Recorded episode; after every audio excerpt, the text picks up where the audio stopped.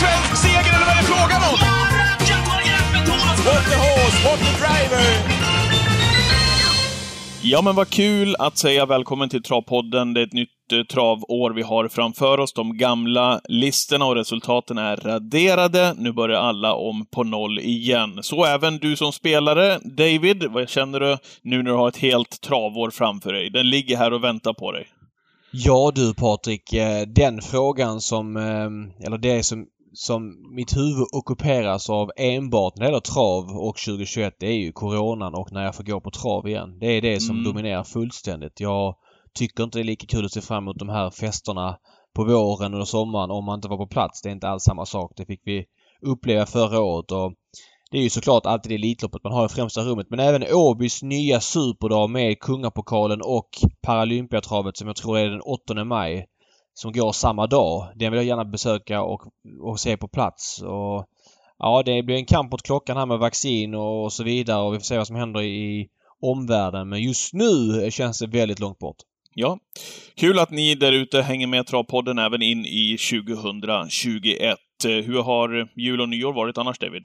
Ah, ganska segt va. Det var en väldigt rolig dag där. Eh, boxing day med kul trav från Solvalla. Sen gick man ju all in på V7an eh, nyårsafton från Axevalla. Eh, inget optimalt utfall för min del. Däremot är jag väldigt glad att den blev svårlöst som vi snackade om på förhand. Att den gav 4,5 miljon till, till de som fick sju rätt och det tycker jag är kul. Eh, Ett, ett år som generellt sett innehöll väldigt många jackpot-omgångar. Folk, folk verkar ha glömt bort det. Det var ju 8-9 jackpot-omgångar på rad där mitt Mm. under 2020 på sommaren. Eh, men eh, mot sista tredjedelen av året så var det väl betydligt svårare på V7 och summerar man året så var det ett jackpot-år med mycket favoriter men vi tar med oss en bra slutknorr in i 2021 och hoppas att det fortsätter vara svårt på de stora streckspelen på travet. Från Axevall-omgången också så tar jag med mig Svante Erikssons inmatchning av Phoenix Foto i loppet med 337 000 kronor till vinnaren. Eh, snacka om snyggt förberedd inför just det loppet. Han var ju preppad inför det loppet, Phoenix Foto. Hade inte startat sedan juli månad och går ut alltså på det där sättet och vinner. Där måste jag också säga det, du har ju varit på Jorma Kontio lite grann i den här podden. Eh, men just i de där lägena eh, så är det ju är du ju verkligen med mig där, att när han har just såna här hästar, eh, lite svårkörda, inte bara kastas upp och, och skicka, utan få köra de här lite mer trögstarka hästarna i ledningen, så är han ju fullständigt briljant. Ja men så är det och håller med om Svante Eriksson. Jag hade ju den tidigt i min rank på Expressen för jag ringde upp Svante för jag kände i Just intervjuerna att han hade att han hade trimmat rejält. Ja, du, och- du var väldigt inne på den. Ja, ville få svart på vitt och Svante sa ju som det var att han var ju optimist. Det är klart att man aldrig vet när man inte har lopp i kroppen men han hade gjort allt han kunde för att hästen skulle vara på topp och eh, det här Sylvesterloppet är, det är kanske Sveriges bästa proposition alltså. Otroligt roligt spellopp och det blev ju rivigt och roligt och Många av de här loppen, typ Harpers, de är ju ja, alltid väldigt roliga men till skillnad från Harpers så, så står ju tilläggshästarna lite tuffare in i det här loppet eftersom det är 2,6. Mm. Det gör ju att eh, det kändes liksom balanserat mellan alla volter och fler lopp av den här digniteten. Jag vet ju Sommartravets final har ju någon liknande proposition. Men det här är skitkul och hoppas det kommer tillbaks och det kommer det göra då. Däremot så snackar man ju om att man ska höja första priset till en halv miljon. Eh, att man har en dröm eh, från Axevallas sida. Så här, jag gnäller, kan aldrig protestera att man höjer prispengar. Det är väl alltid bra. Mm. Men... Men det kommer inte ge häst- någonting. Nej, Vad sa du? Det Nej, men jag, tycker, mycket jag tror inte egentligen, men jag tror också så här, Ja, dels det att man siktar kanske inte på uppgiften. Det blir väl lopp, alltså samma karaktär av hästar. Men sen tycker jag att hästar som vinner det där loppet och om de står start eller på mellanvolten, de är ju väldigt svårmatchade sen. Jag vet Platon Face vann ju um, eh, vad heter det, Harpers för något år sedan här och han, han var ju helt omöjlig att matcha sen liksom och kommer ihåg Scargel vann ju också Harpers från, tror jag, sta- startvolten och Mm. de hästarna Visst, det är skitkul att hägarna får in ett, mycket pengar på ett bräde. Elis vann här för något år sedan också. Han visst vann visserligen en silver, ett silverförsök efter det, men sen försvann han också. De hästarna blir väldigt svåra matcher. Jag tycker de liksom lite grann försvinner.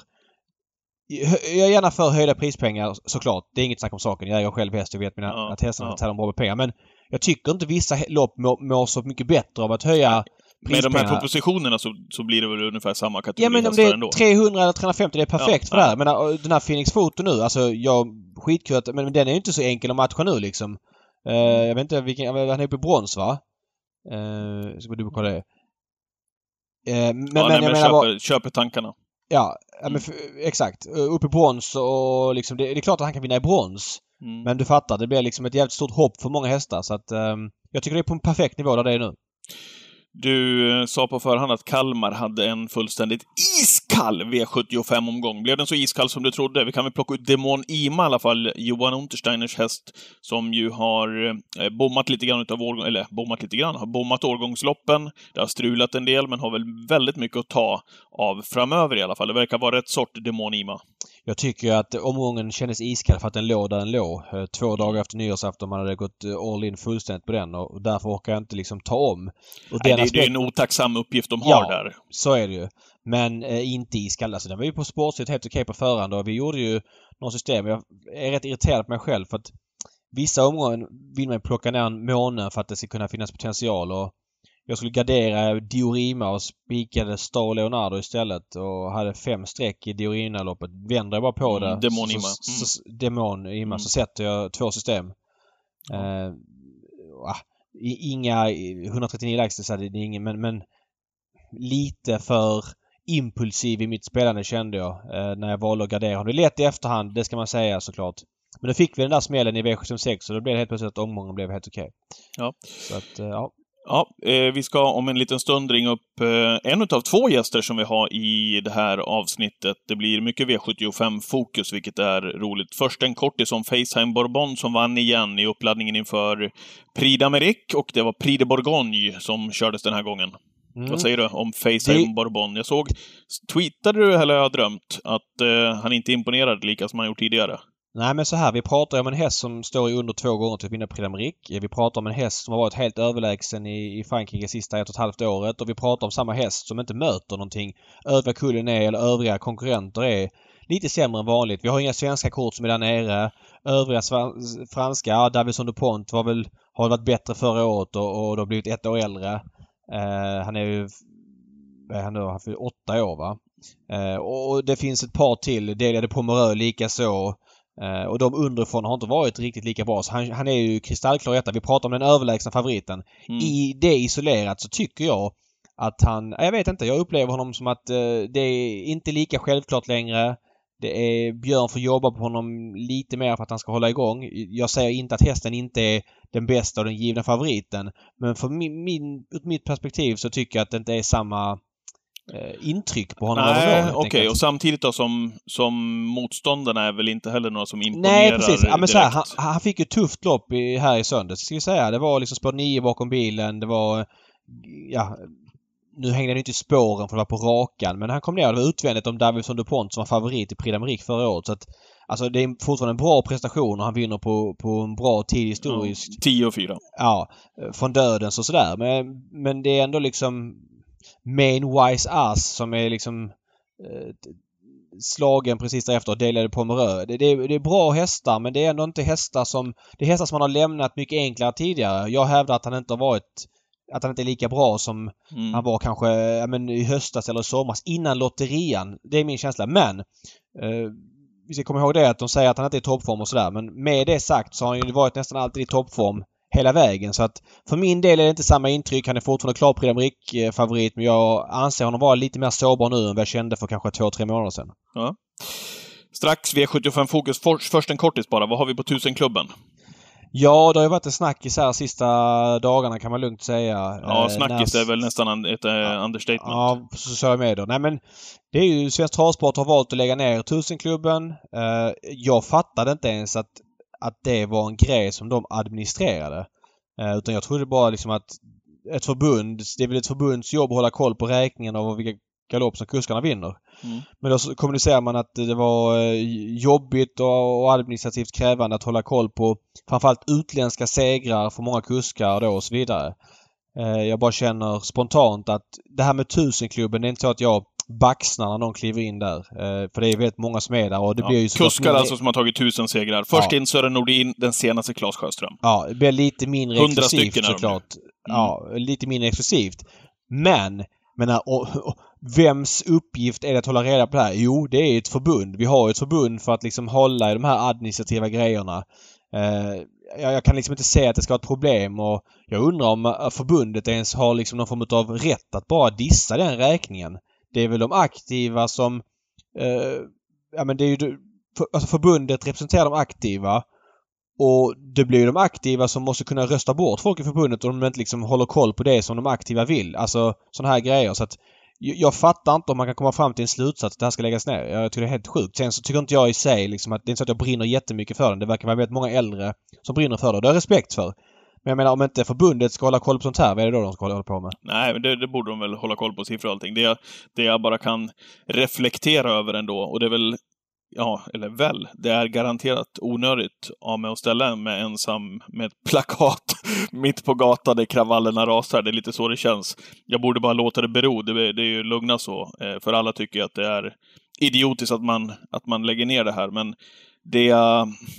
Jag borde förstå det, men jag, jag kan ändå reagera över att det blir sånt jäkla liv direkt man tar ett beslut i svensk travsport om såna här grejer. Framförallt grejer som har funnits under lång tid. Det blir sånt jäkla halabaloo det är fel på ditten och datten och ja, jag, jag kan ändå någonstans också landa i det man också sa, det som försvinner lite grann kan jag tycka i, i vad folk tycker, att eh, att ta tusen segrar, det, det, är definitivt bra gjort. Men det ser ju helt annorlunda, ut nowadays än vad det gjorde förr, David. Jag menar, med catchdriver och så många lopp som körs. Det blir inte lika exklusivt. Det försvinner någonstans i det där. Sen att det är de som ska hålla reda på det, absolut. Ja, men det... men eh, fråga gemene kusk som ska ut på de här tusen klubbsmatcherna som man har varit ute själv och bevakat ja, några gånger. Ja, men skit i matcherna. Det är ett annat spår.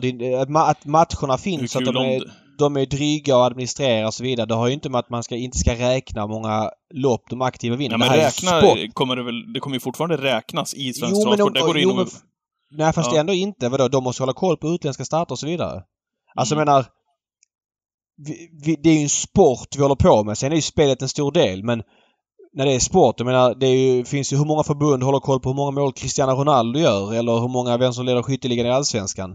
Mm. Det är liksom förbundet som ska hålla koll på det ju. Förbundet är ju en sammanslagning av alla klubbar i olika sporter eller då aktiva inom travet. De ska hålla koll på det. Jag fattar inte att det kan vara så att man bara kan frånsäga sig en sån uppgift som Nej. har funnits så Nej, länge. Och, li och lite smidigare hade man kunnat göra det kanske också i så fall, om man nu vill lägga över det till någon annan. Nu, vart det, nu drog ju ST en, en livlina och lämnade över ansvaret till, blev det Årgängs ja, travmuseum? Efter, ja, det, det efter kravallerna. Efter ja. det blev krus i alla fall på, på vattenytan. Det kan man väl lugnt säga. Ja, men så här, det, så här, det här, den här frågan isolerad, det är inte bara därför folk irriterar sig. För jag tycker också, som vi har sagt många gånger, jag tycker att ATG och lite delvis SD har ju gått ifrån att vara eh, travets kärnprodukt. Det är väldigt många inom ATG som inte är intresserade av trav som då eh, Vissa idéer är bra eh, för att förnya travet. Vi kan inte alltid göra som vi har gjort. Vi måste förnya oss. Vi måste anpassa, absolut. Men i mitt tycke är det lite för mycket åsikter som bygger på att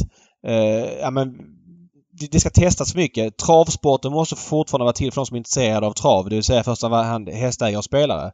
Mm. Sen kan man säkert göra grejer för att värva nytt folk och så vidare. Men jag tycker att det är för mycket ointresserat folk på för många ledande positioner inom travet. Och när det kommer såna här grejer då eh, som tusen klubbsmatcher att den ska skrotas. Då blir det liksom lite grann eh, ja men vad ska jag säga, eh, eh topp, alltså ja, men droppen som får bägaren att rinna över liksom. Det blir mm, lite mm, för många sådana här grejer som kommer från centralt håll. Istället för att man då liksom... Ja, och, och, så kan det vara. Det, ja. så, så kan det absolut vara. Men det, jag går inte upp i limningen, eh, kan jag säga. Nej, nej, nej. Men jag ligger inte sömnlös heller. Det, det ska jag säga. Men, men jag backar verkligen att det här är inte... Det här var inte genomtänkt och det var kast kommunicerat av SD. Och det är lite för mycket sånt från SD liksom på ett år är det liksom lite för många konstiga grejer, grodor och grejer som inte stämmer. Ja, men jag vet inte. Det har ju varit det genom alla år. Eh, och det är väldigt konstigt att det ska behöva vara så tycker jag. Jag skyller inte på någon speciell person för det här är inte något nytt fenomen utan det har varit så liksom till och från. Så länge man blir intresserad av travet att, att SDs tjänstemän eh, fattar ibland väldigt konstiga beslut som inte liksom är förankrat i, i det vi håller på med. Det är travsport. Det är grunden liksom. Mm. Där är du tydlig.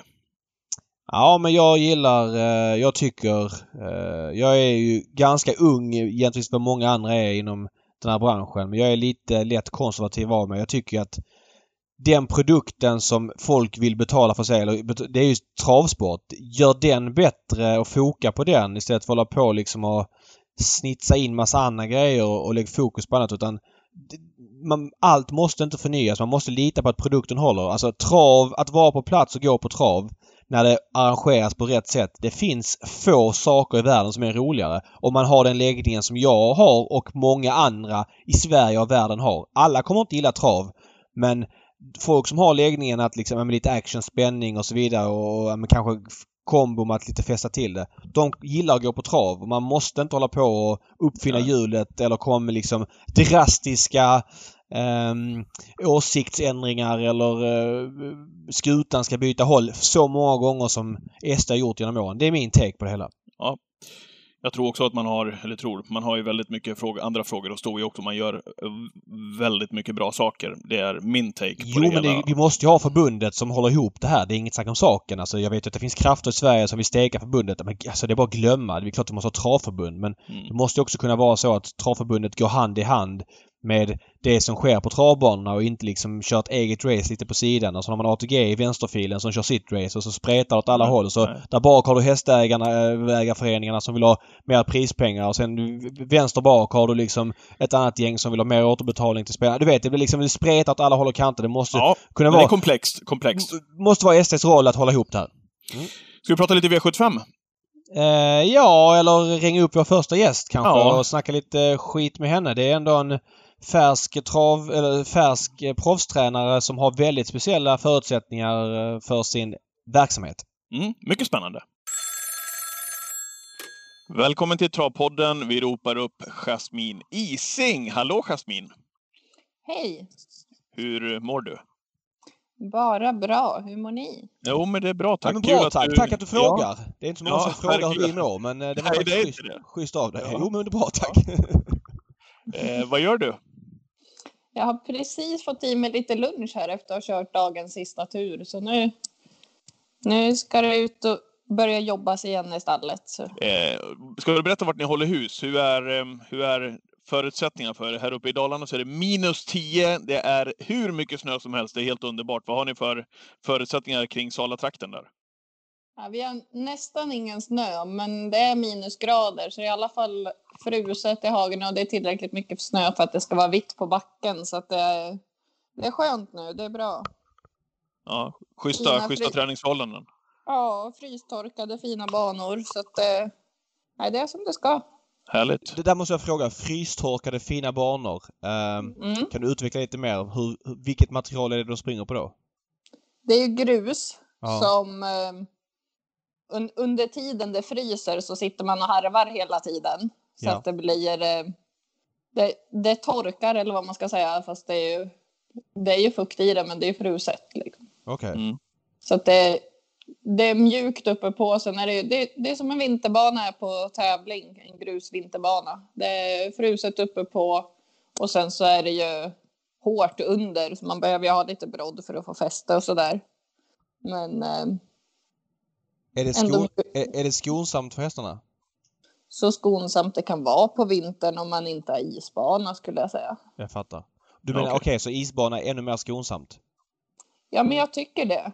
För det Ja. blir mer svikt i den än vad det blir. Man, man tror kanske inte det, men det blir det om det är en riktig isbana. Sen om det är en tunn isbana så är det här bättre. Jag Men om fattar. du har en riktigt tjock is så är det bättre. Fattar, fattar. Vad, Ja. har ni för, vad har ni för upplägg eh, när ni kör som, som nu på förmiddagen och i morse? Ja, vi brukar släppa ut allihop, eh, fixa klart stallet och sen brukar vi börja köra vid ungefär åtta. Sen kör vi fram till lunch. Och Okej. ehm, sen så eftermiddagarna så pysslar vi om hästarna. Då. Mm. Eh, vilka är det istället? Det är ju du och din sambo Patrik, also known as Färna Pokerkungen Fernlund. Vilka anställda har ni? Eh, en tjej som heter Ellen Molin och en kille som heter Stefan Wegerer. Som... Stefan är lite mer inriktad på att eh, ta hand om unghästarna. Han är lite unghästansvarig och sen så sköter han, vi har en hovslagare som kommer, men han sköter också lite omsömningar och lite sådär. Sen, sen har han några tävlingshästar som passhästar, men Eh, mest unghästansvarig och lite skoansvarig och sådär, allt i allo. Och Mm. sen så har vi Ellen som är väldigt duktig på att massera och pyssla med hästarna och så som har bara starthästar då. Och sen har jag några passhästar också. Okej. Okay. Du, eh, kan du berätta lite grann hur du hamnade i travet från början? För det är inte alla som känner till det. Inte jag heller för den delen ska jag säga. Nej, det, ja, det, det var väl en slump egentligen. Jag var uppvuxen med hästar hela tiden. Sen fick jag en gammal travare som ridhäst en gång i tiden. Hur gammal var du då? Eh, 12. Ja. Och då ehm, ja, blev det att jag började rida snabbjobb på honom och så. Och sen eh, började jag eh, vara med och köra. Så att eh, på den vägen är det. Så från att jag varit 12 så har det varit bara travhästar. Då. Men, men vad jobbade du innan du startade egen verksamhet? Eh, mest hos Jörgen Westholm. Ja. Eh, sen var jag en eh, session på travskolan och sen så... Ja, då hade, under den tiden så hade vi en häst åt Patrik. Ja. Som vi, som vi tränade, jag, jag och min sambo Patrik då. Ja. Mm, Patrik Fernlund, ja. Ja. Och, Precis, du hade ju Perfect King. Ja, tillsammans Jajamän. med några andra. Mm. Så det, det var för, första hästen vi hade i träning åt andra. Det ja. var kul. Mm. Gjorde ett för jäkla bra jobb. Var kul med, det var kul med Kingen. Ja, vi hade mycket kul med honom. Ja, det hade vi. Sen. Du, eh, du var många år hos Jörgen väl, var du inte det? Det var det, eller det feelingen från, man har från sidan i alla fall? Ja, åtta tror jag det blev. Ja, det var åtta år. Mm. Det, det, blev ett antal år. Vi är väl, vi är väl lite färgade av honom, eller vad man ska säga, i och med att både jag och Patrik har haft honom mestadels som läromästare. Jag tänkte säga det, hur mycket och vad framförallt har ni tagit med er därifrån?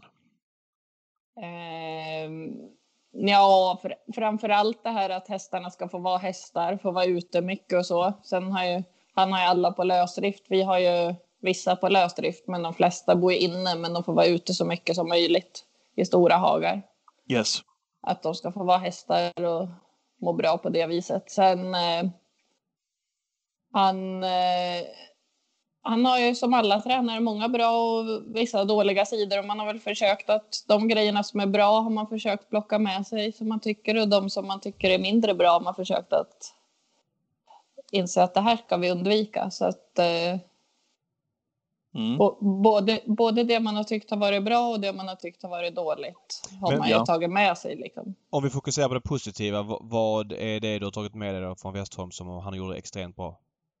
Ja, men han är ju en väldigt duktig hästkar och har alltid vältränade hästar som, som eh, tål, att, tål att träna och tävla under många år. Eh, mm. och framförallt så han kollar ju mycket, han kollar ju bara på exteriören när han har valt ut hästar och vi har kollat på stammen men sen har, när vi väl har valt ut individerna så har vi tagit sådana stammar som vi har tyckt har varit bra har vi tagit de som har haft tillräckligt bra exteriör som vi har tyckt för att för att öka chansen att få hästar som som mm. har de rätta förutsättningarna. Jag tänkte säga det Jasmin, ni har blivit, eh, ni är ju, du och Patrik då som är eh, med, med ert team såklart, då, som är ansiktet utåt för hårdsatsande eh, stall Filip då, Filip Consulting. Man kan ju inte säga heller att hästarna direkt är ostammade, för det är ju fin stam om man kollar över, överlag på dem. Om man kollar på de här 22 som är på träningslistan just nu på Svensk Travsport.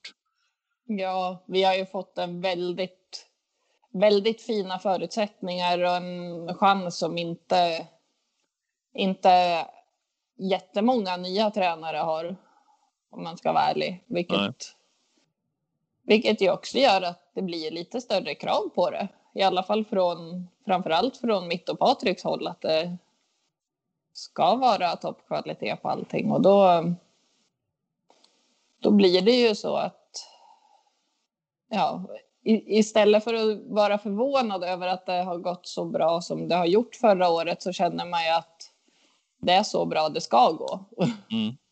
Mm, jag fattar. Jag, jag måste hoppa tillbaka där lite grann. Du sa Westholm, hans hästar har långa karriärer. Det håller jag också med om. Typ sån som Remarkable Feet liksom som har känts som en häst som är ja, så här, tufft att vinna V7 har liksom utvecklats i Westholms regi genom att nöta på. Hur får man hästarna, hur får de långa karriärer? Vad är receptet bakom det? Först och främst tror jag det är hans exteriörtänk som gör att de blir hållbara länge. Sen tror jag mycket träningsmässigt handlar om att inte köra så fort så tidigt. Utan startar man någon som tvååring eller tidigt som treåring så ska det vara för att de kan det själva och har den talangen, inte för att man pressar ner dem i tider. Ja. Mm. Skönt att du tar upp Remarkable Feet av alla, det älskar man ju när man har Cricks Hurricane och Superlight och med flera, med flera, med flera topphästar där bakom. Det var ju ett det- exempel, exempel på en häst som startar nu som jag tyckte kanske var en, ja, en, en bra häst men som inte riktigt dök på V7 men som han har nött på med och nu helt plötsligt är en... eh, Ja men han var ju hur bra som helst senast och är eh, ett vinstbud. Men, men skit i det, det var ett sidospår. Eh, jag, jag har en fråga lite mer där Jasmin. Eh, Philip Consulting, vad- här- Leif heter han va? Eh, Mm. Som har det och han valde att satsa på dig och Patrik. Kan du berätta Mm. lite grann hur den processen gick till? Hur det kommer sig att han kontaktade er? Eller hur kände ni honom och varför satsade han på er? Ja, ehm, jag har egentligen kanske inte full koll på egentligen varför det blev som det blev, utan det var nog lite... Ja, jag jag vet inte. Men eh, Leif är bra vän med en av Patriks allra bästa kompisar Mm. sen, sen barndom. Och eh, han har ju sagt till Leif ibland, till exempel när våra hästar har startat och så, vilket har gjort att ja, men Leif har väl kanske haft lite koll på våra hästar och tyckt att de alltid har sett väldigt fina och välmående ut. Mm. Eh, och sen så har han sett Patrik på tv, liven mycket och sådär. Och tyckte väl att han verkade vara en bra kille. Så att på Sprintermästaren för, ja det är väl tre år sedan nu då. Det knyts väldigt mycket kontakter på Sprintermästaren och, må- och, många, och många relationer avslutas också just den helgen, vill jag bara säga. Ja, du kan fortsätta. Ja, eh, ja där så dök han på Patrik och frågade om vi ville träna hästar åt honom. Och Patrik trodde väl bara att han var full och dryg så han sa åt honom typ att nej, vi får ta det här imorgon i så fall. Det är inget jag orkar diskutera nu. Mm. Varpå dagen efter ringer ja, Patriks barndomskompis då som är vår gemensamma kompis med Leif Mm. att eh, Leif vill ha möte med dig. Och då sa Patrik, vilken Leif? För så mycket not- notis hade han tagit om det här mötet kvällen Ja, innan. Mm. Ehm, men det slutade med ett väldigt långt möte som... eh, Ja, först och främst så sa Patrik då att vi hade precis fått barn och vi köpte en ny gård och hade ju ett bra liv där vi var just då. Och då sa han att ja, nej, jag får fundera, men en häst kanske vi kan ta. Mm. Så Leif kände sig väl lite avspisad där. Eh, och så gick, kom han hem och så funderade vi och diskuterade lite och så började fundera, för jag jobbade på travskolan i Stockholm och vi bodde i Enköping, att det kanske inte var riktigt optimalt när man har ett litet barn. Eh, och även om det är en stor, väldigt stor omställning för familjen att göra en sån här satsning så kände vi att det kanske skulle vara lämpligare ändå då. Att det skulle kunna funka. Så då gjorde vi ordning ett, ja, ett eh, förslag till Leif. Och hade ett möte ihop med honom och sa att det här kan vi tänka oss om, om du är intresserad utav det då. Ja. Och då köpte han det och sen så ja, har, vi, har vi jobbat vidare på det. Av de 22 hästarna som är på, på listan just nu, hur många äger Leif? Alla. Alla? Mm. Okej. Eh, Är det en medveten strategi från er att ni, att ni bara kör åt Leif eller tar ni in hästar ifrån andra ägare också? Nej, vi, eh, vi har bara hästar åt honom. Vi ska ju vara privattränare åt honom då. Okej, det är det som är sagt ja. Ja. Okej. Så det är kört om man köper tillbaka Perfect King? ja, tyvärr. Mm, Men, okej. men, men berätta där, hur ser upplägget ut då? För ni har ju varit eh, faktorer då på auktionerna sista åren och ropat Mm. in hästar, ja, Leif och ni kanske man ska säga då. Mm. Eh, hur ser det ut? Ni ropar in, ni kommer hitta hästar gemensamt och så ropar ni in dem och så ska ni träna upp dem. Är det liksom dealen kort och gott? Ja, tanken är att vi ska ha runt mellan 20 och 22 hästar. Ja. Eh, så vi ska byta ut fyra, fem stycken varje år mot nya unghästar är det tänkt. Eh, sen så första kullen vi hade, de som blev fyra nu då i årsskiftet, det var ju de, det var ju svårt att byta ut några av dem så tidigt. Så att Mm. eh, därför har vi bara tre stycken nyblivna tvååringar nu då. Okej. Eh, men det kommer vara runt fyra, fem är tanken per år som ska bytas ut. Men, men nu har ni lite distans i det här. Du säger, ö, ö, äldsta kullen är nyblivna fyraåringar. Det innebär att de har gjort ja, en och en halv säsong för er. Vad, är, Mm. vad sätter du för betyg på verksamheten nu? Vad är känslan? Ni körde in 2, så jag ska säga rätt, Nästan 2,4. miljoner förra året. Ja.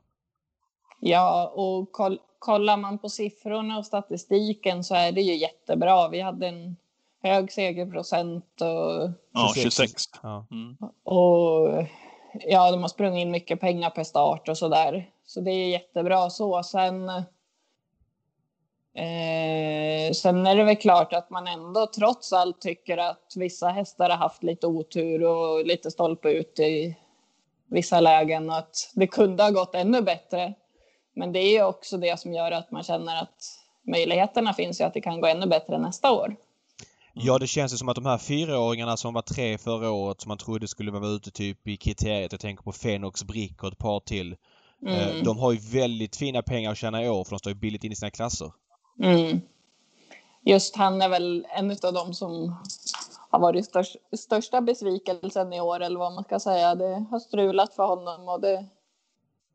Men det känns som att vi har kommit rätt på det nu med honom så jag hoppas verkligen att han får visa det nästa år för en otroligt bra häst. Ja, det, han är jättefin. Berätta lite grann vad är det som Verkligen. strulat på honom för att han är verkligen, sticker verkligen ut när man ser honom. Han eh, hade en lös benbit i en has. Okej. Eh, som, ja man tror ju inte att de ska ha det när de är friröntgade och så här, och allt var frid och fröjd. Men så var det någonting som, ja men han, han, var, han var väl som alla unghästar är, ibland bättre, ibland sämre under uppträningen. Och, så var han jättefin ett tag och sen så kände man att det var något som låg där och skavde och vi hittade liksom inget större fel på honom förrän den dagen vi efter, efter E3-kvalen när han travade så dåligt så att man skämdes för att starta honom. Mm. Då, um, när vi hade in honom på kliniken och kollade allting så lyckades de hitta en liten benbit när de röntgade honom och efter det så verkar det som att som att det är på väg rätt i alla fall. Sen trodde vi att vi skulle kunna ha ut honom i kriteriekvalen men det blev väl lite för tajt om tid så att det, det, det får vi ta på oss att vi hade lite för bråttom där och han var inte där han skulle i kriteriekvalen. Eh, när får vi se honom igen på banan då? Han vintertränar för fullt nu och kommer starta runt april skulle jag säga. Allt beror lite på hur lång vintern blir för jag vill inte köra några tuffa jobb med honom innan brodden är borta och banorna börjar bli fina. Så. Jag fattar. Men runt, runt, runt april skulle jag säga. Fina, fina unghästar utan tvekan. Kan återkomma till det alldeles strax där, Jasmin. Eh, En annan som gjorde god reklam för sig och i ert stall var ju Green Mamba eh, som ju var ja, men, flitigt i vinnarcirkeln. Men det blev bara fyra starter under 2020. Vann ju till exempel V75-lopp, kommer man ihåg, på Åby med galopp dessutom. Mm. Eh, då har vi V75 Champions-loppet där. Eh, men sedan blev det inte spe- speciellt många fler starter. Inte startat sedan eh, i mitten på maj där, 23 maj. Vad, vad är status på Green Mamba? Eh, tyvärr fick hon en gaffelbandsskada. Eh, men eh, hon, eh, hon är kraftigt på gång tillbaka skulle jag säga. Vi har varit inne och kört ett banjobb, till, banjobb med henne. Och hon, eh, ja, om, om, om hon tar åt sig träningen och håller och så, det är alltid svårt. Hon är sju år och har varit allvarligt skadad. Så att, eh, det är alltid svårt att säga, men känslan är väl att hon kan vara igång och starta i februari kanske om allt går som det ska. Okej, en, en, en sista chans då kan man säga. Ja, det, vi upptäckte ju skadan. Hon var ju anmäld till var det 23 där maj. Ja, just det. Hon var struken fick- till och med. Ja. Mm. Då fick vi stryka henne för att hon inte var bra. Och sen så uppdagades ju det här då och då tyckte vi att det var för sent att betäcka henne också, vilket gjorde att vi sa det att hon får en chans till. För skulle det inte hålla så är vi ändå, vi är ändå på rätt tid på året för att betäcka henne nu i så fall. Just det. Hon fick en ärlig chans. Och det, ja, det, det ser bra ut som det är just nu, men Ja, spännande att följa. Det känns som att resurser finns i henne i alla fall. ja, det hon visade på Åby, det är inte, det är inte många hästar som gör om det loppet. Nej. Men en fråga där. Är, är det Stall Philip som vill hålla på med avel också eller är det ni vid sidan av eller hur funkar det? Ja, det är ju i så fall Stall Filip eller om hon säljs. Okej. Det, är ju, det är ju Leif som får välja det. Sen diskuterar vi det ihop. Men eh, det, det är inte bestämt om vi ska behålla Fölstona som och betäcka eller inte. Men jag vet att Leif är väldigt sugen på att behålla en och betäcka henne. Jag fattar. Om det blir så. Du, en fråga bara där. Eh, vi brukar alltid fråga våra gäster eh, bland stallets hästar, de yngre. Ni har ju ändå ett gäng tvååringar och treåringar framför allt. Är det någon som sticker ut som ni tycker är extra intressant? Ja, tvååringarna är ju lite väl tidigt Ja, att säga det. något om. Mm. Eftersom de, de har ju inte börjat gå något fort ännu eller så. Utav treåringarna så har vi ju dels Icicle som har visat att han är bra. Men jag tror vi har en i stallet som är bättre som heter Flap Setting. Okej. Just det. Det är Anke Lasse-hästen. Ja, Mm. Intressant. Mycket intressant. Just att det är Anka Lasse tycker jag. Ja. men eh, det, det man är lite rädd för att det är många som pratar extremt gott om dem. Ja. Mm. Och det finns ju risk att de har talang men kanske inte visar det på tävlingsbanan fullt ut på samma sätt. När det är så många som skryter om dem så kan ju inte alla vara så bra som man tror. Nej. Okej, så du är skeptisk där att det är just Anka Lasse just av den anledningen? Ja, men det, det låter lite för bra för att vara sant. Så man vill gärna se det på tävlingsbanan innan man Mm. vågar lita på det fullt ut. Men Ja, Det ska det bli kul att följa Anke Lasse-hästen. Han var ju, hade ju en enorm utstrålning själv. mm. och nej, den vi har, det känns som något väldigt utöver det vanliga. Oj, det- Flap Setting, David. Lägg det namnet på minnet. Ja, kul att du sticker ut och säger en sån häst också. Nu är det kanske lite enklare när en ägare äger alla hästar men det är ju ändå eh, spännande att följa eh, de där Mm. hästarna.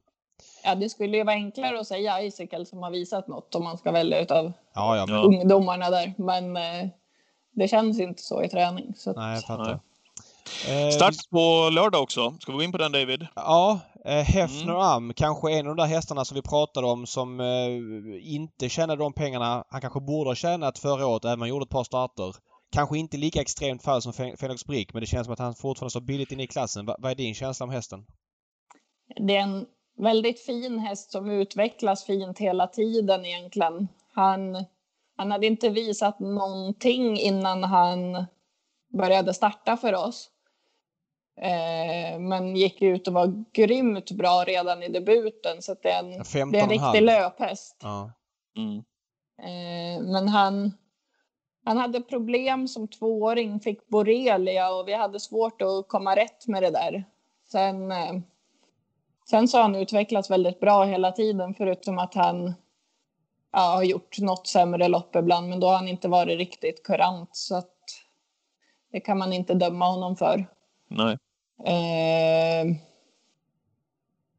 och nej, det känns väl inte som en sån häst som Ferox, men han är ju väldigt billigt inne i klassen fortfarande och han, han eh, borde ha fina pengar och tjäna ett bra tag till. Vilken status är det på honom nu, tror du, till lördagens start? Jag skulle nästan tro att han gör sitt livs bästa lopp hittills, För som att... han okej. känns i träning. Okej. Sen tycker jag alltid det är svårt att säga om hur de står sig mot de andra. Och jag menar, han är nybliven fyraåring och sådär. Men eh, nej, han, han borde ha rätt så bra chans att vinna, tycker Mm. Är det, är det gubben, i, gubben i huset som står för de analyserna, eller? jag. ja, det får han stå för. Ja. Ja, det är bra. Men han, han blev ju ganska klar favorit, eller ser ut att bli det. Nu är det ju tidigt i veckan fortsatt. Men eh, din känsla är att det är motiverat att du liksom, eh, ni säljer ut honom med, med klara segerförhoppningar. Det är inte så att ni känner att han kanske behöver ett lopp i kroppen eller så liknande. Han har ju inte startat på, eller det var en månad sedan, eh, lite mindre utan det känns liksom klart eller vässat eller att han ska kunna vinna direkt? Det känns som att han ska kunna vinna direkt. Sen så vet man ju aldrig som sagt. Men det, nej, som han kändes i måndagsjobbet var en riktigt skön känsla att sitta bakom honom. Så att, eh, nej, det blir, blir väldigt spännande att se. Och som sagt, jag tror han kan göra sitt livs bästa lopp hittills i alla fall. Spännande att höra. Om man går bet på V75 och vill ha en räddningsplanka på lördag, ska man spela Patrik Fernlund med Hattusa då i lopp 12? Eh, ja, jag, jag har en bra känsla för att hon gör ett bra lopp också. Men hon har ju inte vunnit sedan hon debuterade som tvååring och det är ju. Det har mest strulat för henne hela tiden och därför, hon har ju gjort en start för oss och då blev hon ju jättefast så att det sa ingenting egentligen så man ville se henne leverera innan. Innan man vågar tro fullt ut på den, men det känns som en bra häst. Eh, när, när en sån häst kommer till er nu, som Hattusa som Leif äger, kommer från Hanna Olofsson. Är det han som har tittat ut den här eller har ni gjort det tillsammans? Nej, den här hästen eh, eh, var han delägare i redan hos Hanna. Ja, Okej, okay, från början alltså. Ja. Mm. Han köpte in sig i henne som tvååring för att hon var så lovande och fin.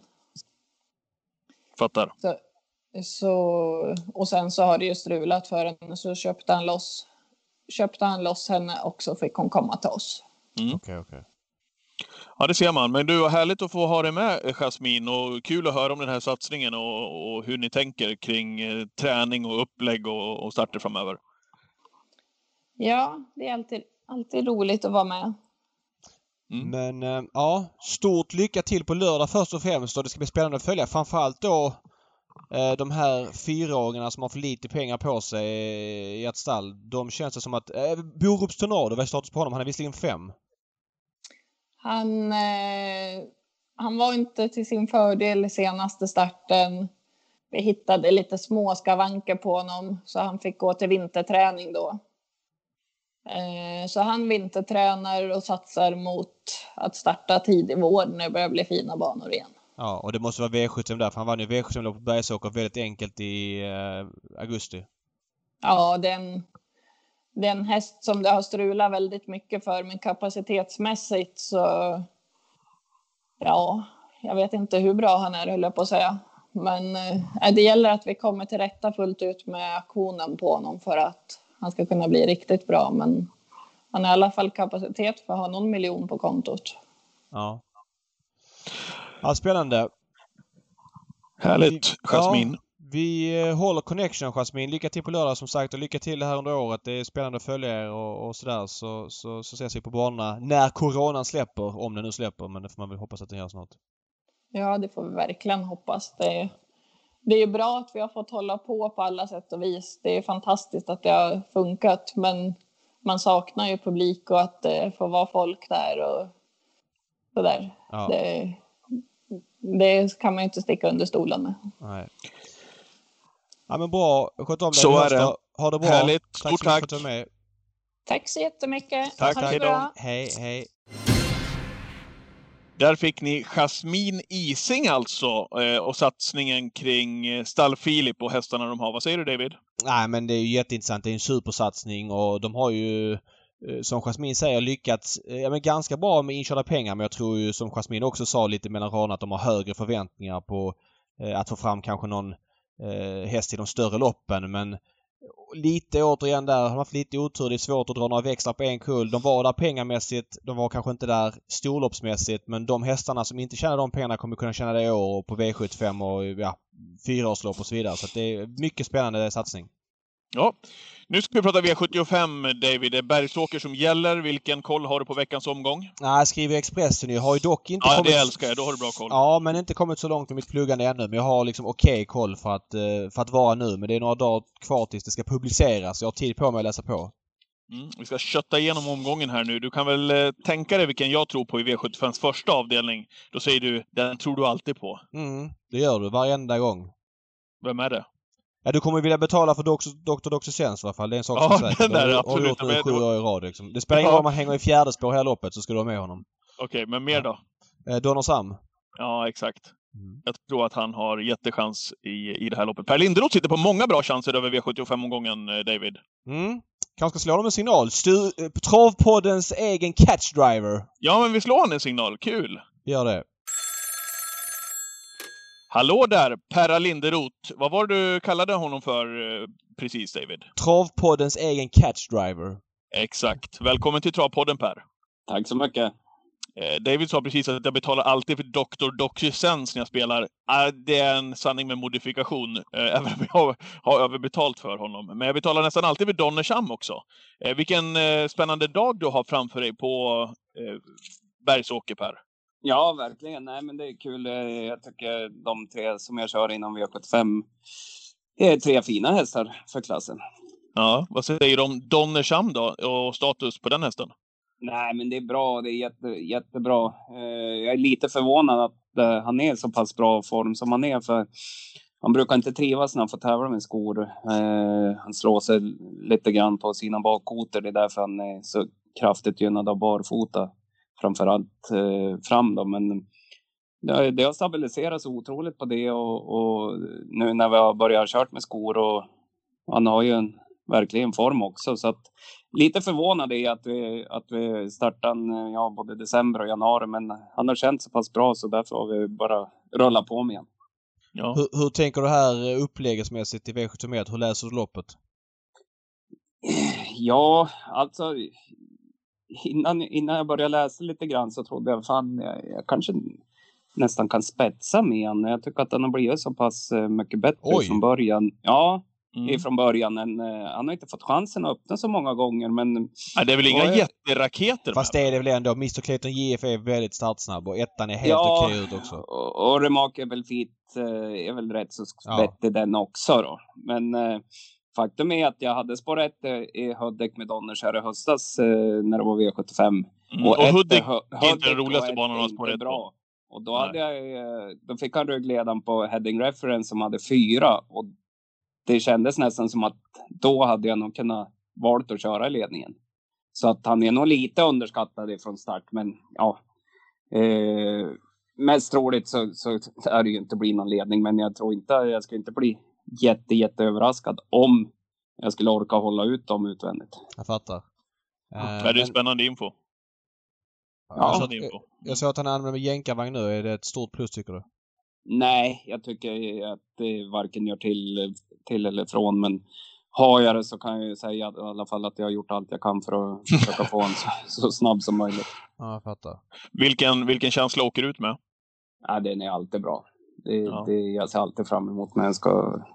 När han, från och med den dagen han kommer med i listorna fram till, fram till loppet går så, så det är bara att man längtar till att få köra honom. han är- Ja, han är, det är en härlig häst att, att köra. Mm.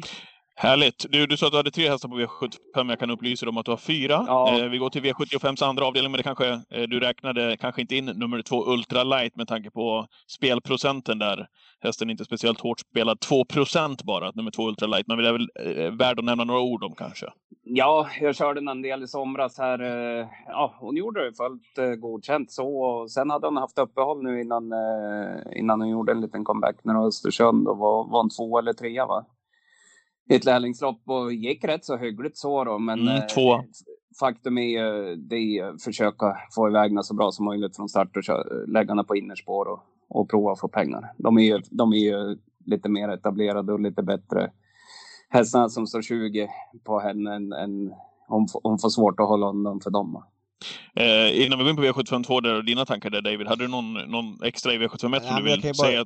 Nej, V71 kan jag bara säga. Jag hade inget, ingen speciell take där. Jag Nej, var lite inne på nej. att Algot Sonet kunde köra sig till ledningen. Men jag, jag kanske landar ändå i att Westholm vill prova Remarkable Feet i spets om han kommer dit och då kommer inte Algot i spets. Så att, eh, alltså, alltså. Remarkable Feet, otroligt imponerad av honom senast. Liksom. Han, han var med både i körningen och sen gick en rejäl repa till slut och det var ju bara att Hickory DePoo, eller Hicko, vad heter han? Hicko, Pooh. Hicko DePoo avslutade så snabbt. Annars vinner han ju den, eh, den finalen. Så att, eh, Mm. det, det, det, han är inte ens favorit så han måste jag med. Eh, V72, den här Essie Gonzales gjorde debut senast för Katja Melko. Fick köra 20 första varvet. Referenten på Romme, som heter Patrik Skoglund, skrek 20! På varvet. Höll på att ramla av stolen. Ja, vet du, ja, men vet du, det var så jävla märkligt. Jag trodde jag hade fel på klockan, men den dagen så blev det långsammare och långsammare tid hela tiden utan att banan ifrån sidan såg ut att vara så tung. Men jag pratade med några kuskar efteråt som sa att den var, blev otroligt tung sprungen på slutet och var, några, var någon, eller några sekunder tung. Så att man får ta med det i backning. Ja, men, men- jag var paff ja, men- på klockan. Så är det ju. Hon stack ju bara undan och vann ju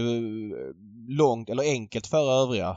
Ehm, Mm. nej, Så här, hon blir stor favorit. Jag vill nog se lite mer innan jag går på henne. Hon klarade spår två i volten senast och höll ut och körde till ledningen då. Det är väl troligt att hon Mm. från spår tre också gör samma sak. Ehm, men- jag, nej, 50% just nu känns väl lite mycket. Jag vet inte. Whitsun Madonna har jag, jagar jag ju halva förra sommaren. Uh, vet inte om, om formen kanske är där för att vinna. Men jag har två raka segrar även om det var ett billigt gäng så jag vill nog betala Ja. på henne.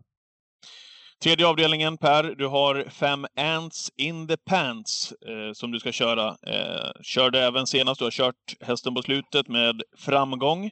Eh, fick nöja dig med andra priset där uppe på, ja det var väl någon, någonstans där i mellandagarna där Albert Jeanette vann. Eh, vad säger du om insatsen från Ants in the Pants? Ja, men eh, faktum är att han, eh, han gjorde det man kunde förvänta sig. Det är klart, det var kanske viss besvikelse att han, att han inte höll undan och vann. Då, men han är lite seg i ledningarna, Ants in the pants. Och, och jag fick skälla lite på honom då, 11-1200 kvar när Rickard Skoglund körde fram. Men Mm. eh, den effekten, kon, kontakten till hästen kom inte förrän 800-900 kvar. 200-300 meter senare och då började han tog i bra för mig. Va? Mm. Samtidigt som eh, utvändigt häst galopperade. Så jag var själv hela långsidan ner och, och han slutade nästan tävla då 400 kvar kände jag. Jag tror inte det var trötthetstecken, det, jag upplevde det inte så. Utan i och med att han var så ensam på, på långsidan ner så, så tävlade han inte riktigt. Och därav så kunde ju Albert slå av oss till slut. Då. Hade jag haft häst med mig från varvet kvar hela vägen in utvändigt om mig, då tror jag att han hade vunnit loppet. Ja, du tror det? Ja. Ja, det, det tror jag. För han sattes ju lite på prov då starten innan mot Command. När vi hade häst utvändigt om oss hela sista varvet. Och Command är väl en lite mer etablerad häst än Mm. Ante då. Och då kändes det att då stred han riktigt sida vid sida. Men, men nu, nu tappar vi det momentet i och med att han blev så ensam sista långsidan. Och jag hade tryckt, gett han signal att springa lite för tidigt då egentligen. Eh, så Mm. därav så tror jag att, att vi förlorar loppet där. Okej. Det, det står att han ska gå med vanlig vagn nu, han har gått med hybrid här. Ehm, är det någonting som...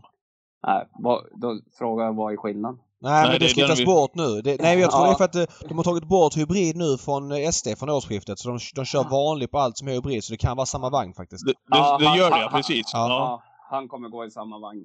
Ja. Han går i samma vagn, okej. Som, som tidigare. Så att det är bara att Ja. de har ändrat. Så det blir lite väl mycket rött i startlistorna nu. Det får man ju acceptera. Men det har ju inte varit, det är inte så att du liksom har baxnat för att en häst ska vara vanlig eller hybrid. Utan det är ju jänkarvagn som, som är skillnaden Exakt. mot, mot Mm. något annat. sätt. Ja. Mm. Eh, Patrik, har du någon annan take på det här loppet? Det känns som ett ganska Nej, börja dåligt du. klass 2-försök. Börjar du? Jag hörde vad Jasmine Ising sa om Hefneram. Eh, tror att hästen gör sitt livslopp ju. Mm, det är ju intressant såklart. Nu är han ju favorit men jag ty tycker loppet håller ganska låg kvalitet. Jag undrar om jag inte kan halvskrälla här. Jag har dock ingen riktig idé så jag vet inte vad jag ska säga. Nej, vi Nej. släpper den då. Mm, vi gör det. Och så återkommer vi i Twitch på, men men, på men lördag. med Per, det- du har feeling att du kan vinna liksom. Är din häst lite trög då? Vad, vad, vad tänker Ja. du Var vill du hamna i loppet om du får bestämma? Ja, men det är han. Nej, men jag tror nog att eh, ja, är någonstans i mitten. mitten. Han är inte så där vrålsnabb ut, även fast han, han har utvecklats kolossalt hästen eh, för varje lopp han har fått. Men jag tror nog att han kommer hamna bland de sex första i alla fall. Det är väl ja, andra, tredje ut någonting. Ja. Eh, det är klart att man skulle ju vara gynnad av lite, lite överpace eh, nu när det är 2 och 6 och det för, för styrkan har hästen. Han är inte så där explosiv och kvick som, som många andra är kanske då, men eh, framförallt styrka har han så att eh, det, det kommer han klara sig väldigt bra på i det här loppet. Men eh, skulle det bli för långsamt eh, första varv så, så tror jag att det är lätt för Ante att komma bort. Fattar. Mm. Eh, Ja. V75 den intressantaste hästen på förhand tycker jag i alla fall. Westpool Gladiator. Vilket drömlopp du körde senast. Jag tänkte säga det, för om det, om det är någon gång du ska visa eh, några yngre eh, förmågor och talanger hur man ska köra ett travlopp, så visa när du körde Westpol Gladiator senast Per. Ja, men det är ju lättare. Det går inte lika fort med kallbloden så då hann jag ju med. Och... Och, och, och tänka. Ja. Ja. Nej, men det är ju tacksam häst att köra. Jag menar, han, han är ju naturligt startsnabb.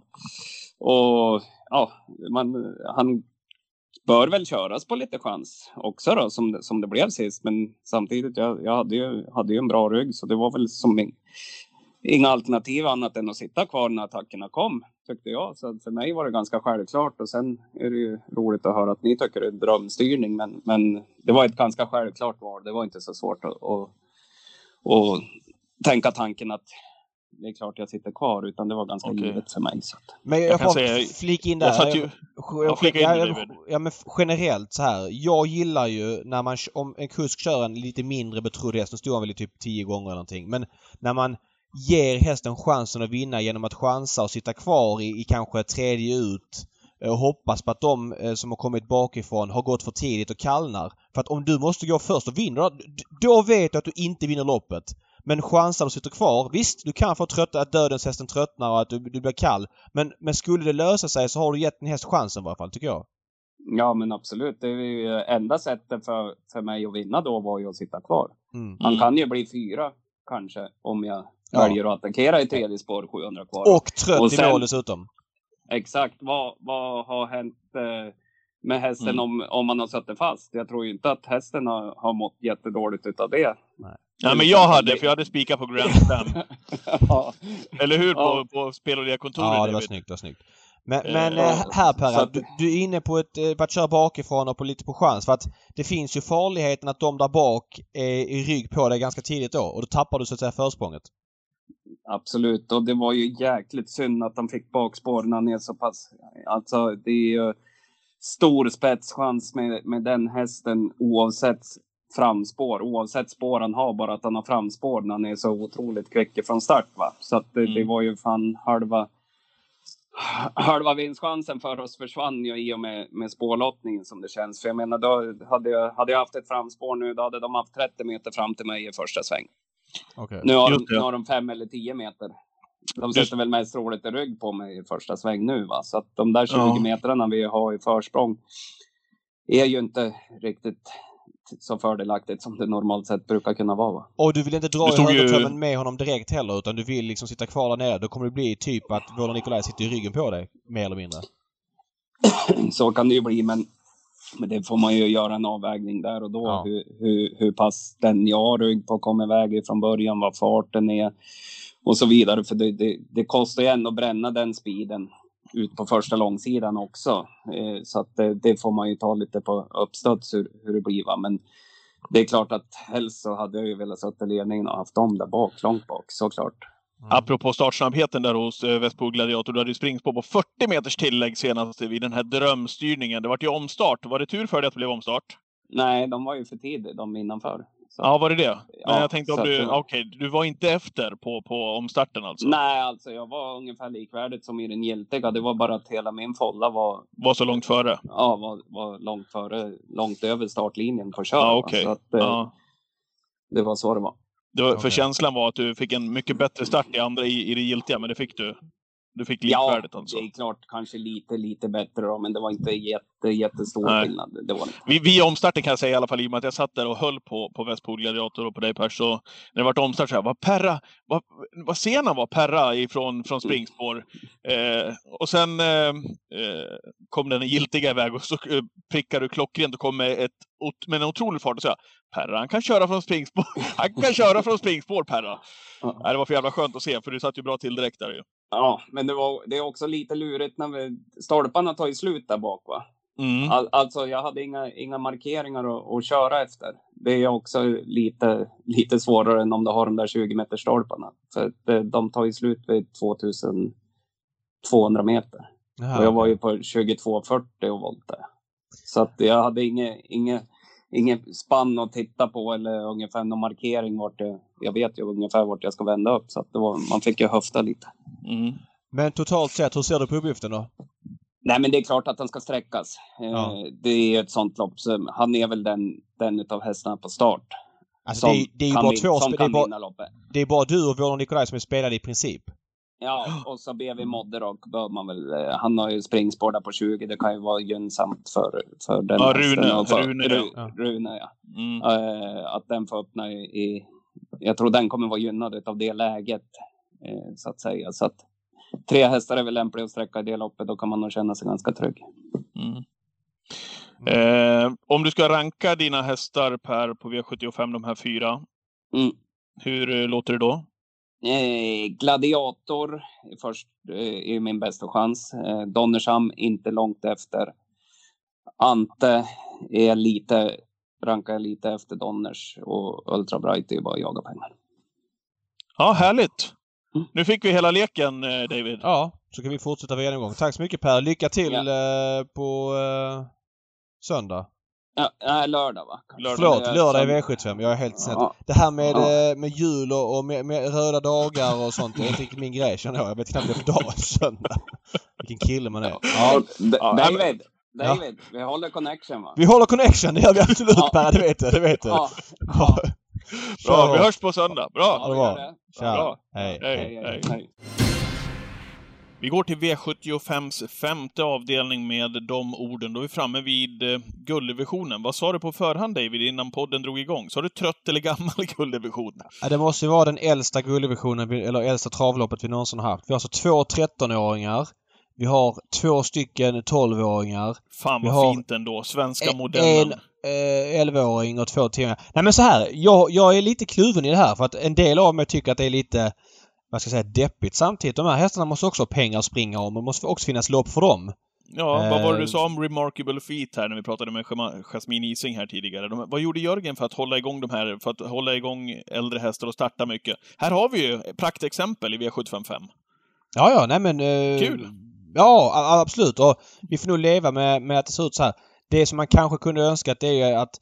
Uh, jag vet inte att, upp, att propositionerna ser lite annorlunda ut kanske. Att det är volt 2,6 att de står över 20 meter på bronshästarna eller, eller klass 1-hästarna. Jag, jag vet inte exakt men när det blir så här uppenbart. För nu, nu råkar det här fältet vara ganska jämnt men hade du stoppat in en ja men säg Verre Kronos eller någon annan häst som är över övriga liksom i Sverige så är det ju bara att hämta ut 150 lax för dem. Och det är inget ont om det men det gör ju spelmässigt loppen tråkiga att spela på. Vem vinner då? Ja, jag måste alltså- säga det, får bara säga det om On Track-piraten där. Det var ju... Det var ju liv ändå eh, Eh, på många håll. När han startade på det, när han inte hade den där rätta formen och folk tyckte att han inte gjort sig väl förtjänt av en vila och nu borde väl ändå Piraten få ta det lugnt i, i hagen och allt det där. Men eh, jäklar vad fin han har sett ut nu på sistone. Bra, absolut. Näst senast som två på Solvalla, men senast åkande runt. Inte i en alltför tuff eh, gulddivision det heller, men ändå. Han vann och han gjorde det hur enkelt som helst ja, Imponerande måste jag säga. Ja men det gick faktiskt inte så fort till slut även om banan kanske var lite halvtung. Det Nej, var, men jag, jag menar det, det var ingen trött Jag tuff trodde också att han var helt slut. Jag, jag trodde ju såhär, jag kände liksom låt hästen sluta, sluta tävla nu för att det kändes inte som att jag tyckte det var så kul. Men, men, men jag tror inte han vinner vilken här. kemi med Magnus Djuse också. Jättefin kemi. Ja fast det har väl alla haft som har kört honom. Han är ju liksom självspelande piano ska jag säga. Eh, 20 kän- känns för mycket på honom. Han, han är ju bra mycket sämre än Antonio Trott i alla fall. Så att det, eh, alltså slutar Antonio Trott på 28% som det är nu när vi spelar in där så är det ju en bombspik tycker jag. Men eh, Oj! ja men vadå Antonio Trott mot de här hästarna? Alltså, Den, den, den spikade du ju med gott mod senast. Ja, men det gjorde och det var dåligt, dåligt. Men då mötte han ju bättre hästar var mycket mer spelad. Han kommer gå upp i procent men jag... Jag- tycker att han blir eh, den mest intressanta spelmässigt i det här loppet om det ser ut så här. Det kan jag säga. Mhm. Även, alltså han var ju kass i det loppet. Sen körde Jorma sig sådär när hästen hade hoppat fram i döden så trodde han skulle överta från Greenfield Leden. Det blev ju dubbelfel kan man säga. Han startar på han, den gode Grainfield. Ja, han startar på. Han verkar klara det. Nu är ju bra varannan gång så ska han vara sämre den här gången då enligt beräkningar. Mm. Vad tror du? Ja, lite lill-feeling för att 12 Selmer IH gör ett, gör ett bra lopp igen. Jag hoppas Mm. det i alla fall. Jag tycker att hans resurser duger en, en bit mot de här, ja, som du uttryckte det, lite äldre gulddivisionshästarna. Så att, Ja. ja, jag tror att han gör ett bra lopp. Han är tidig för min del. 9-10 procent just nu, det är taget. Ja. Eh, V75 avdelning 6 går vi till och eh, favorit i nuläget, ja det är tre stycken kan man väl ändå säga. Det är jämnt spelat eh, mellan 9 Gardner Shaw, 1 Gooner och nummer 7 Marshall Match. Mm. Voltstart i bronsdivisionen ska vi Mm. komma ihåg. Ja, jag tycker ju att Garden Show st- sticker ut eh, i det här loppet. Kolla loppet här i finalen senast där han ja, sitter väldigt dåligt på det ett varv kvar men spurtar in bra som trea. Han har eh, knallform den hästen. Mm. Eh, jag tycker att han är bästa hästen av de tre helt enkelt.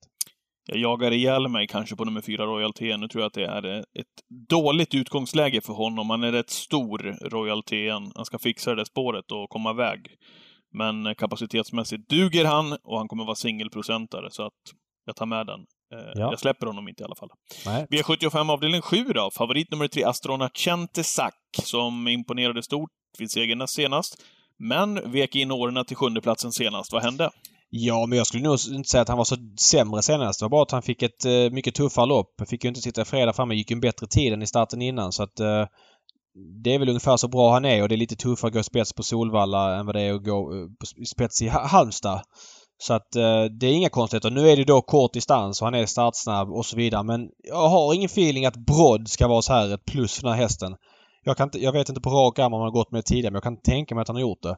Och, och då känns det ändå som att han är sårbar. Bergsåkers långa upplopp och det är ju väldigt kallt i Sverige just nu. Så att eh, nej, även om han bara blir knapp favorit så känns inte han så intressant. Plus att Axel Ruda är snabb ut och spår 1 är väldigt bra på, på Bergsåker. Så jag är inte säker på att han bara får pick mot spets och bestämma. Ja, men han är Eh, ruggigt snabb, vi- David. Eh, Asona Centesacca? Ja. Ja, ja. Nej, men absolut. Nej, men det kanske finns att han spetsar. Men jag vill ändå inte... Jag kan ändå säga att han får bensinstopp här. Eh, Även om han är väldigt bra. Ja, men jag, jag hade fel näst senast och fick då stå med skägget i brevlådan. Sen fick man rätt senast då när man gick emot honom som 250-favorit. Så att det är ju liksom, det är ju vad det är. Ja. Eh, Big Shot har ju utvecklats väldigt mycket i Katamelkos regi tycker jag. Ja, helt enig. Eh, Står inte den kanske lite på tur? Jag vet inte. ja.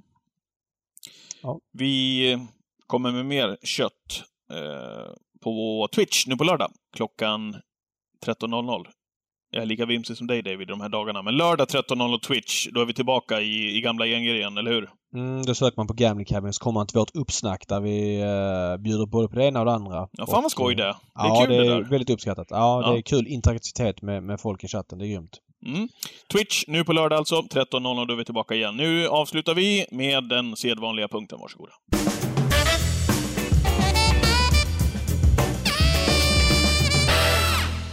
Yes, då kör vi. Hiss och diss alltså. Det blev ju ingen senast. Nu blir det hiss och diss. Eh, vad kör du? Ja, jag kan dissa. Innan jag får dissa, jag bara fråga dig. Hur gick det med den här musiken eh, som Romme körde? Har de bytt musik efter det där eller hur blev det? För du sa ju Ja, tävlingsdagen vi efter har- att de har Nej, stekt... eh, vi har, ja, vi har inte kört den sedan dess. Nej, ett otroligt. eh, Det är nästan en hiss på det att Romme tar till sig. Inte för att Ja, jag alltid har rätt kul. och man ska, man ska göra vad jag säger och så vidare. Men jag tycker att det finns inget incitament att kopiera Elitloppshelgens eh, eh, liksom musikpaket. Det är bara slarvigt utan bilda sig ett eget och det tycker jag är Ja. skitsnyggt av Romme om man kan ändra sig. Skitbra. Ja. Nu är det bara några 12 banor till som ska ändra sig men bra start av Dalatravet. Härligt. Jag Ja. hissar då. Eh, Ja. Och jag kommer att hissa... Om jag säger de här hästnamnen, se om det klingar någonting hos dig, David. Mm. Eh, Justerös Love. Nej. Eh, Hilton Cobra. Nej. Riccione. Giuliano Rollax. Sa jag Giuliano Rollax nyss? Ja. Ja, okej. Men där har du ett gäng. Klingar de? Bekant? Riccione är ju bekant. De andra är ingen direkt klocka. Nej. Nej, det är för, eh, fullförståeligt också. De har tävlat här uppe i min region, eh, ordinä, högst ordinära hästar. Men de trä, tränades eh, utav Emma Sara Sjöberg. Och jag måste säga och jag känner att jag har dålig koll på Emma Sara Sjöberg trots att hon håller till här uppe i Dalarna på min hemmabana Romme. Född 1975. Eh, två hästar på eh, träningslistan. Eh, Dark Roadster och Red Hot Roadster. 34 starter under 2020. 12 segrar. 35 i segerprocent med andra ord. Inkörda pengar 800 000 kronor. På de senaste, en, ska vi se, en, två, tre, fyra, fem, sex, sju, åtta, nio, tio starterna. För de här eh, två hästarna så har det blivit åtta segrar. Varav då vi fick se Dark Roadster vinna V75 på ett imponerande sätt igen på Axevalla. Red Hot Roadster vann ett 100 000 kronors lopp precis innan nyår på Romme. Dark Roadster följde upp det med V75-seger. Jag måste luska mer i det här, men Emma Sara Sjöberg med två hästar med B-licens på Romme har gjort ett fantastiskt jobb. Vilka hästar de presenterar, David! Mm, Dark nej, och Red Hot Roadster. Det här är ju läckert alltså. Ja, det här är ju travet eh, när det är som bäst. När mindre tränare får fram grymma hästar och kan eh, fightas på samma villkor som de största tränarna med, med de rikaste ägarna. Det, det, det är ju det man älskar som mest med travet. Så all eloge till henne. Och vilken utveckling på de där två hästarna också. Ja, Dark Roaster. Red, Red, Red det var ju så mycket snack om innerspåret den dagen och ena sekunden var det dåligt, sen var det bra, sen var det dåligt och bra. Det där stör mig lite grann. Mm. Vi är väldigt snabba med att dra slutsatser. Ett lopp hästen från innerspår är dålig, ja då är det dåligt och någon kusk som säger att innerspåret var lite löst. Jo men det kan också vara löst en bit ut. Det finns liksom inte bara för att en häst eller två hästar går dåliga från spår 1 så innebär inte det att de är dåligt. Och de som torskar, det var ju med huvud och som Kronos och sån här globalhästen, Global Beware, som var två huvuden efter ledaren. Så, alltså vet, det blev lite mycket snack där och ja. Dark Rose den dagen då, då kanske man hade packat lite grann. Det kan ju ändras under dagen. Men han bara mm. dansade undan och var ja. hur bra som helst.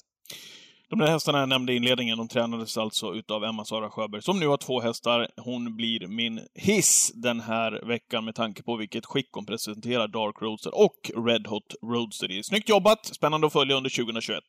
Mm. Varsågod David! Ja, jag har varit riktigt less på en grej här nu under nyårstravet. Jag vet inte Eh, vem det är som har gjort det. Men framförallt när det har varit i södra Sverige. På Åby och på Kalmar och det var även en Halmstadsomgång där. Det är någon bildproducent som är ny eller fått nya direktiv som är väldigt glad i att klippa in närbilder under loppen.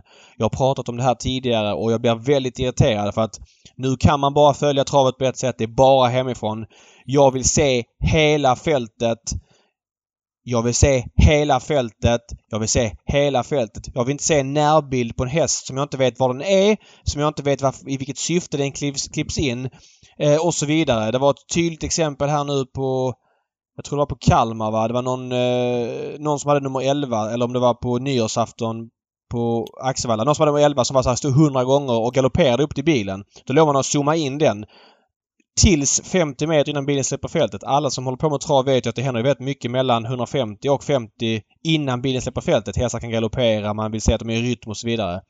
Och den här bildproducenten, som jag tror att det är samma för det är ett nytt mästerskap i att klippa närbilder. Klipper närbilder eh, på bortre lång i och det grövsta och i sista sväng när man vill se hela fältet. När du har en häst som avancerar tredje, då ligger de på ledarkusken inzoomat. Du ser inte vad som händer där bak. Dramaturgin blir så sjukt mycket sämre jag tycker det är jättedåligt. Jag tycker att eh, Kanal 75 måste ta tag i det här. Vi måste få se loppen. Jag fattar att man inte kan ha en vinkel hela tiden. Men då måste den som klipper loppen lära sig dynamiken i travlopp. Klipp gärna närbilderna ingenting händer i tredje spår eller kanske tidigt i loppen när, när positionerna har satt sig. Inte sista fem när hästar är ute i spåren avancerar. Då vill man följa med i dramaturgin och se vad som händer. Och det blir ännu värre när många av de här loppen sen hamnar i lopparkivet. Du ska klocka hästar och du ska kolla hur hästar går till slut och så är de inte med i bild.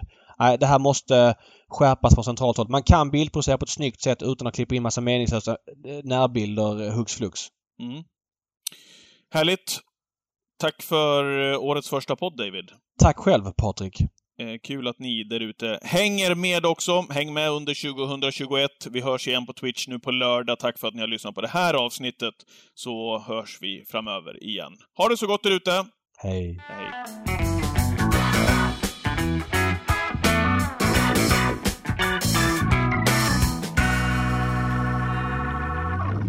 Så är det.